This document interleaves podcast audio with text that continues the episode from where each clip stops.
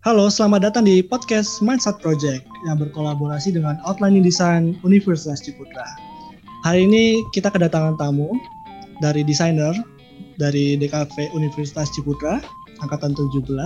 Livia, thank you udah gabung di sini untuk ngobrol dan sharing bareng. Halo, thank you so much for having me. Boleh dideskripsikan sedikit enggak? Livia ini siapa? Oke, okay, boleh boleh. Uh, jadi singkatnya sama kayak tadi yang udah dijelasin, nama aku adalah Livia dan aku adalah mahasiswa tingkat akhir uh, jurusan Visual Communication Design di Universitas Ciputra. Antar lagi mau lulus gitu. Terus um, pada saat ini aku lagi kerja freelance. Uh, I do uh, a little bit of UI UX. Terus aku juga salah satu co-founder dari project Petualang Sesuatu yaitu komik kesehatan mental yang um, sekarang platform utamanya di Instagram. Boleh banget dicek at Petualang Sesuatu. Oke, boleh dicek ya patungan menuju sesuatu. Dan ngobrol-ngobrol tentang kamu lagi sudah mau lulus ya? Berarti udah semester 8, sedang mengerjakan iya, iya. tugas akhir ya. Di tugas akhir ini kamu membawakan project ya. Boleh dijelasin nggak projectnya itu apa? Boleh. Uh, kebetulan tugas akhir ini um, saya menciptakan sebuah produk yang akan dirilis nantinya di bawah brand petualang menuju sesuatu itu juga gitu. Uh, saya merancang sebuah permainan kartu dengan tema kesehatan mental yang mempunyai tujuan untuk uh, mengedukasi dan meningkatkan uh, awareness masyarakat atau pemainnya tentang pentingnya mental health management. Jadi tentang pengelolaan kesehatan mental gitu. Um, produk ini sendiri sudah dalam tahap development sudah um, dalam perancangan ini selama kurang lebih satu tahun selama kita ngerjain project TA ini. Jadi uh, cukup banyak ya iterasinya untuk bisa sampai di titik ini dan sekarang udah di tahap yang paling akhir. Jadi udah bisa dikatakan produknya sendiri sudah uh, cukup final. Jadi um, udah deket lah dengan tanggal mainnya gitu. Oke. Okay. Berarti tentang board game ya, kartu tentang mental health issues hmm, yang kamu bener. kembangin dengan desain dan sebagainya di proyek kamu ya. Uh, untuk namanya sendiri well-being ya? Yes, benar well-being uh, well-being board game kartu. Kenapa kartu? Kenapa nggak catur? uh, mungkin kalau kenapa nggak catur karena aku sendiri nggak bisa main catur ya. Okay. nggak kayak kamu jago caturnya. Uh, uh. Mungkin kalau kenapa card game? Um, pada awalnya nggak kepikiran untuk bikin card game sih, tapi pada awalnya idenya itu hanya ingin bikin game gitu. Jadi uh, pas awal-awal perancangan yang belum ada bentuknya, kan uh, pasti kita riset kan untuk kayak seperti semua tugas akhir pasti ada tahap risetnya di mana kita melakukan benchmarking atas produk-produk yang sudah ada di pasar gitu. Uh, dan aku ngelihat antara game-game uh, board game board game yang ada, permainan kartu itu very interesting karena um, dia ringan, jadi lebih kasual daripada um, yang benar-benar menggunakan papan gitu. Jadi dengan meng, uh, relying on cards alone, uh, ternyata bisa bikin permainan yang sangat engaging gitu. Dan apalagi uh, aku ingin jika membuat permainan nantinya ini bakal bisa dimainin oleh banyak orang terus di mana aja lightweight, gampang dibawa-bawa kayak gitu. Jadi um, bukan menentukan card game dulu baru dirancang isinya tapi lebih ke untuk fungsi ini bentuk apa yang paling cocok gitu dan dari sana um, ditentukan kalau ternyata card game lah yang paling cocok untuk um, mengangkat isu ini gitu. Oke, berarti bisa juga untuk komunitas juga ya main bareng teman, main main bareng keluarga dan sebagainya ya. Oke, untuk per, mm, pembuatan bener. project ini sendiri, apakah Livia ini terinspirasi dari desainer mungkin atau agensi yang pernah Livia lihat kayak oh ini agensinya lagi bikin sesuatu. Hmm, kok sama-sama game? kayak gitu. Atau kayak hmm. di depan rumah nongkrong terus kayak tiba-tiba pencerahan. Um, gimana ya? Hmm, menurutku ide untuk membuat sebuah card game ini udah ada di kepala aku sejak lama gitu. Jadi bukan um, tiba-tiba muncul ah pingin bikin kartu itu enggak, tapi uh, dulu kan sempet ngetrend banget board game cafe kan, apalagi masa-masa sebelum oh. pandemi sama teman-teman tuh sering nongkrong bareng di board game cafe gitu. Sebelum aku tahu board game cafe itu aku mikir board game itu cuma kayak sekedar monopoli, terus habis itu ular tangga gitu. Tapi uh, di board game cafe itu um, I got introduced to like a lot of board games. Um, waktu itu aku suka banget yang namanya The Saboteur terus habis itu Splendor. Itu one of my favorite card game uh, one of my favorite games in general. Terus aku nyadar kalau ternyata board game atau card game itu kok luas banget ya? Tapi kok nggak ada yang tentang kesehatan mental gitu? Kebetulan kan proyekku di Petualang Menuju Sesuatu itu very very intimate with uh, mental health. Jadi di sana aku mikir uh, pasti keren banget ya seandainya aku bakal bik uh, aku bikin board game atau card game tentang kesehatan mental gitu. Jadi dari sana idenya muncul dan ketika ada kesempatan untuk membuat project ini jadi di TA aku bilang mm, why not gitu. Ini kesempatan yang bagus untuk bisa merealisasikan ide tersebut gitu. Dari sana nge-research tentunya banyak banget um, referensi-referensi banyak banget uh, waktu itu salah satu yang jadi um, studi kasusku itu um, sebuah board game judulnya Your Friend Is Sad itu oleh Shen Comics. Itu juga um, sebuah card game yang membahas tentang um, bukan bukan membahas tentang sih tapi mengangkat topik tentang mental health and well-being gitu. Tapi itu um, not available in Indonesia I think pada saat ini. Dan itu um, benar-benar jadi salah satu um, produk di luar sana yang bikin aku mikir oh pro, um, produk seperti ini tuh bisa dibuat gitu. Produk seperti ini tuh um, punya potensi yang besar gitu. Oke, okay. berarti pada saat kamu developing juga kamu trial dan error gitu ya. Apalagi kamu sebagai desainer untuk uh, coba-coba nih mana yang lebih cocok, mana yang lebih uh, mm-hmm. sama dengan target marketnya ya kan? Mm-hmm. Trial and error tuh pasti ada sih dan lumayan banyak juga errornya. lumayan banyak ya, iya iya iya. Oke. Okay. Terus untuk visi misi project ini sendiri, apa visi misinya? Tentunya in an ideal world, aku pingin banget bisa publish pro, uh, produk ini gitu. Produknya udah jadi, terus habis itu udah di riset, udah divalidasi dengan expert user, extreme user segala macam. Pasti pinginnya supaya produk ini bisa sampai ke tangan masyarakat juga gitu. Tapi aku juga sadar kalau perjalanan untuk sampai itu masih lama. Jadi setelah aku membuat board game dan mendalami the world of board games in general or board games creation in general, ternyata bikin board game itu nggak mudah gitu. Bukan cuma board gamenya perlu dirancang, tapi perlu diproduksi juga gitu. Jadi uh, sekarang mungkin stepnya ke sana ya stepnya bagaimana cara membawa board game ini untuk lebih dekat ke pasar itu itu um, target okay. paling dekatnya mm-hmm. oke okay. paling dekatnya untuk bawa ke komunitas itu sendiri ya mm-hmm, mm-hmm. oke okay. dan juga kalau dari tugas akhir ini nih aku kan banyak banget lihat kayak teman-teman kita semua uh, aku kamu mm-hmm. juga kayak satu orang desainer aja mampu untuk bawa uh, fullscape pengembangan perancangan advertising dan riset dan sebagainya. Kamu ini lebih ke mana? Kamu lebih hmm. individual hmm. atau kamu lebih yang berkelompok kayak lebih ke masuk agensi kayak gitu? Um, kalau dikasih pilihan, rasanya aku lebih prefer kerja bareng-bareng gitu. Kebetulan TA ini nggak ada pilihan, jadi kerjanya harus sendiri. Tapi okay. menurutku uh, untuk project desain apa pun kalau kita mau jalannya cepat itu kerja sendiri itu oke. Okay. mungkin karena semuanya handle sendiri kita mau kerja secepat apa pun kita nggak depend ke orang lain tuh gampang gitu bisa gitu. Tapi kalau kita mau sampai ke suatu tempat yang lebih jauh aku rasa gandeng teman apalagi yang punya skill set berbeda yang bisa saling melengkapi itu um, ada advantagesnya sendiri yang menurutku berharga banget gitu. Misalkan uh, untuk aku pribadi aku nggak ngerasa strong pointku di branding gitu. Tapi seandainya uh, aku not bareng uh, aku ngerangkul Joshua gitu Joshua keren yeah. banget brandingnya mungkin produk hasil akhirnya itu bakal lebih um, wow daripada yang bisa aku handle sendiri gitu. Oke. Okay. Jadi ada plus minusnya lah ya, tapi ya gitu.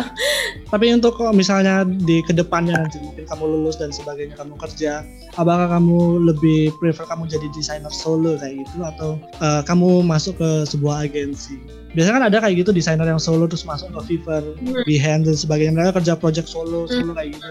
Kalau kamu lebih prefer kayak gitu nanti atau kayak kamu lebih masuk ke agensi berkelompok dan sebagainya? Hmm, aku rasa tetap berkelompok ya, tetap agency. I think um, aku juga bisa lebih spesialis pada suatu hal yang memang strong pointku dengan joining an agency daripada kayak berusaha untuk ngehandle semuanya sendiri gitu. Oke. Okay.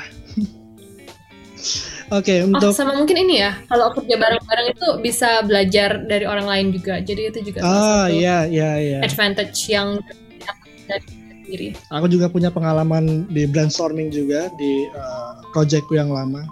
Kayak uh, aku punya hmm. teman dan dia jago ilustrasi, aku kayak belajar dari dia. Dia bikin logo, oh ternyata tangannya kayak gini, hmm. mesti kayak gini. Aku kayak belajar banyak sih kalau berkelompok. Kalau sendiri kan juga bingung. Mungkin belajar di YouTube juga bisa, cuman belajar lebih pas in the moment itu lebih enak menurutku sih. Mm, setuju, setuju banget. nah, sekarang kita bahas tentang kehidupannya Livia nih sebagai seorang desainer. Aku pernah lihat juga, boleh. pernah tahu Livia bikin second Instagram tentang ilustrasi. Nah, Livia ini sendiri nih nganggap dirinya hmm. sebagai graphic designer atau seorang ilustrator atau seorang product designer? Ah, susah pertanyaannya susah. Gimana kalau tiga-tiganya aja? Ah, boleh. aku rasa pertama kali aku mau masuk ke jurusan DKV itu adalah karena aku suka gambar. Jadi pada saat itu I definitely thought of myself as an illustrator dan pada saat itu aku juga mikir um, mungkin seumur hidup ini bakal fix di ilustrasi aja. Ini bakal jadi satu hal yang um, bener-bener jadi strong pointku gitu. Tapi ternyata setelah aku masuk ke DKV, aku sadar kalau DKV itu luas banget. Terus itu bukan semata-mata tentang skill kita dalam um, ilustrasi atau menciptakan foto atau apa, tapi desain itu tentang problem problem solving however way you do it. If you're solving problems terus communicating dengan cara yang visual uh, I think you are a great designer gitu. Jadi um, pada saat ini pilihanku mungkin tidak bisa seyakin ke uh, aku yang dulu gitu. Karena pada saat ini aku juga interest di graphic design terus aku juga interest di um, product design UI UX gitu. Kebetulan aku yang sekarang lagi very very interested di product design. Tapi itu bukan berarti um, aku nggak continuously hone atau grow my illustration atau graphic design skills gitu. Karena kadang-kadang di dalam product design pun skill-skill itu dibutuhkan gitu. Jadi um, kalau suruh milih satu susah, mungkin aku mau milih semuanya aja. Tapi pada saat ini, I'd say I'm very interested in UI UX gitu. Oke, okay. pasti kaget dulu ya pas remaja Livia remaja masuk kampus gitu suka gambar tiba-tiba kayak pintu kebuka banyak aduh ada grafik desain, ada grafik fotografi, terus ada produk desain kayak banyak bener, bener. Mm -hmm.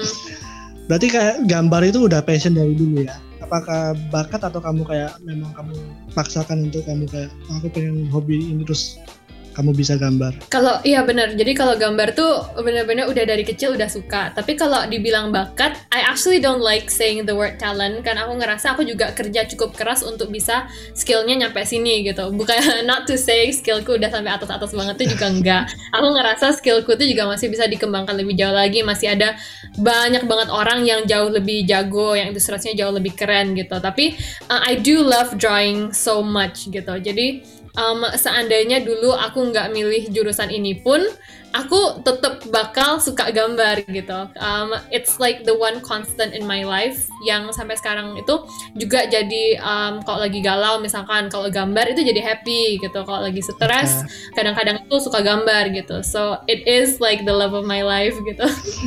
oh, memang secara uh, emosional udah masuk di dalam darah gitu ya.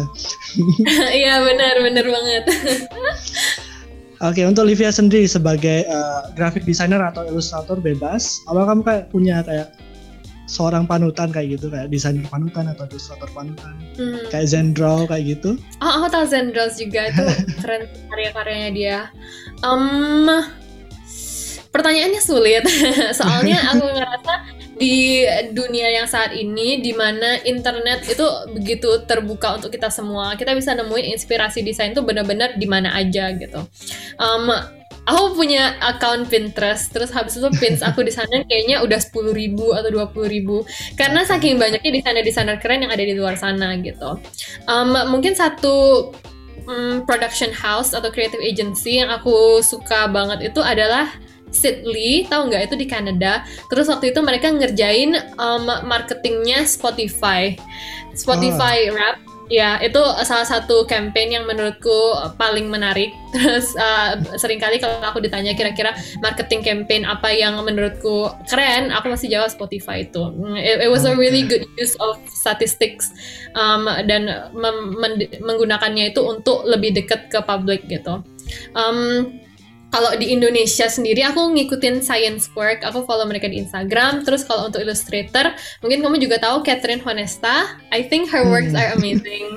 Uh -huh. apalagi dia punya elemen storytelling kan di dalam karyanya yang menurutku itu juga uh, keren banget gitu. I would like to be able to tell stories like her one day gitu. Oke, okay.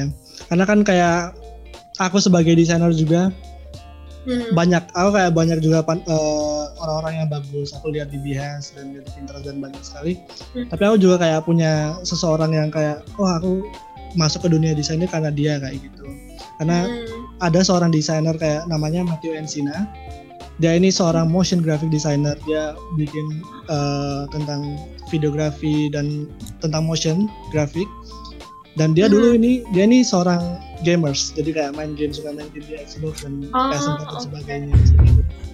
Lalu pada saat dia jadi desainer pada saat lulus kerja dia masuk sebuah uh, agensi. Dan agensinya ini uh, dia mengerjakan banyak project dari Xbox dan PS4 jadi menurutku kayak dia living living his life untuk uh, kerja kerja untuk apa hobinya dia dulu kayak Xbox dan PS4 hmm, apa yang dia suka ya iya jadi aku pengen kayak gitu juga sih dan aku pengen lebih hmm. hebat juga mungkin pasti pasti bisa untuk Livia pernah nggak ngerasa Livia nih kayak menjadi desainer tuh susah. Oh, pasti pernah, pasti pasti ada saat-saatnya di mana kita kehabisan ide atau jenuh.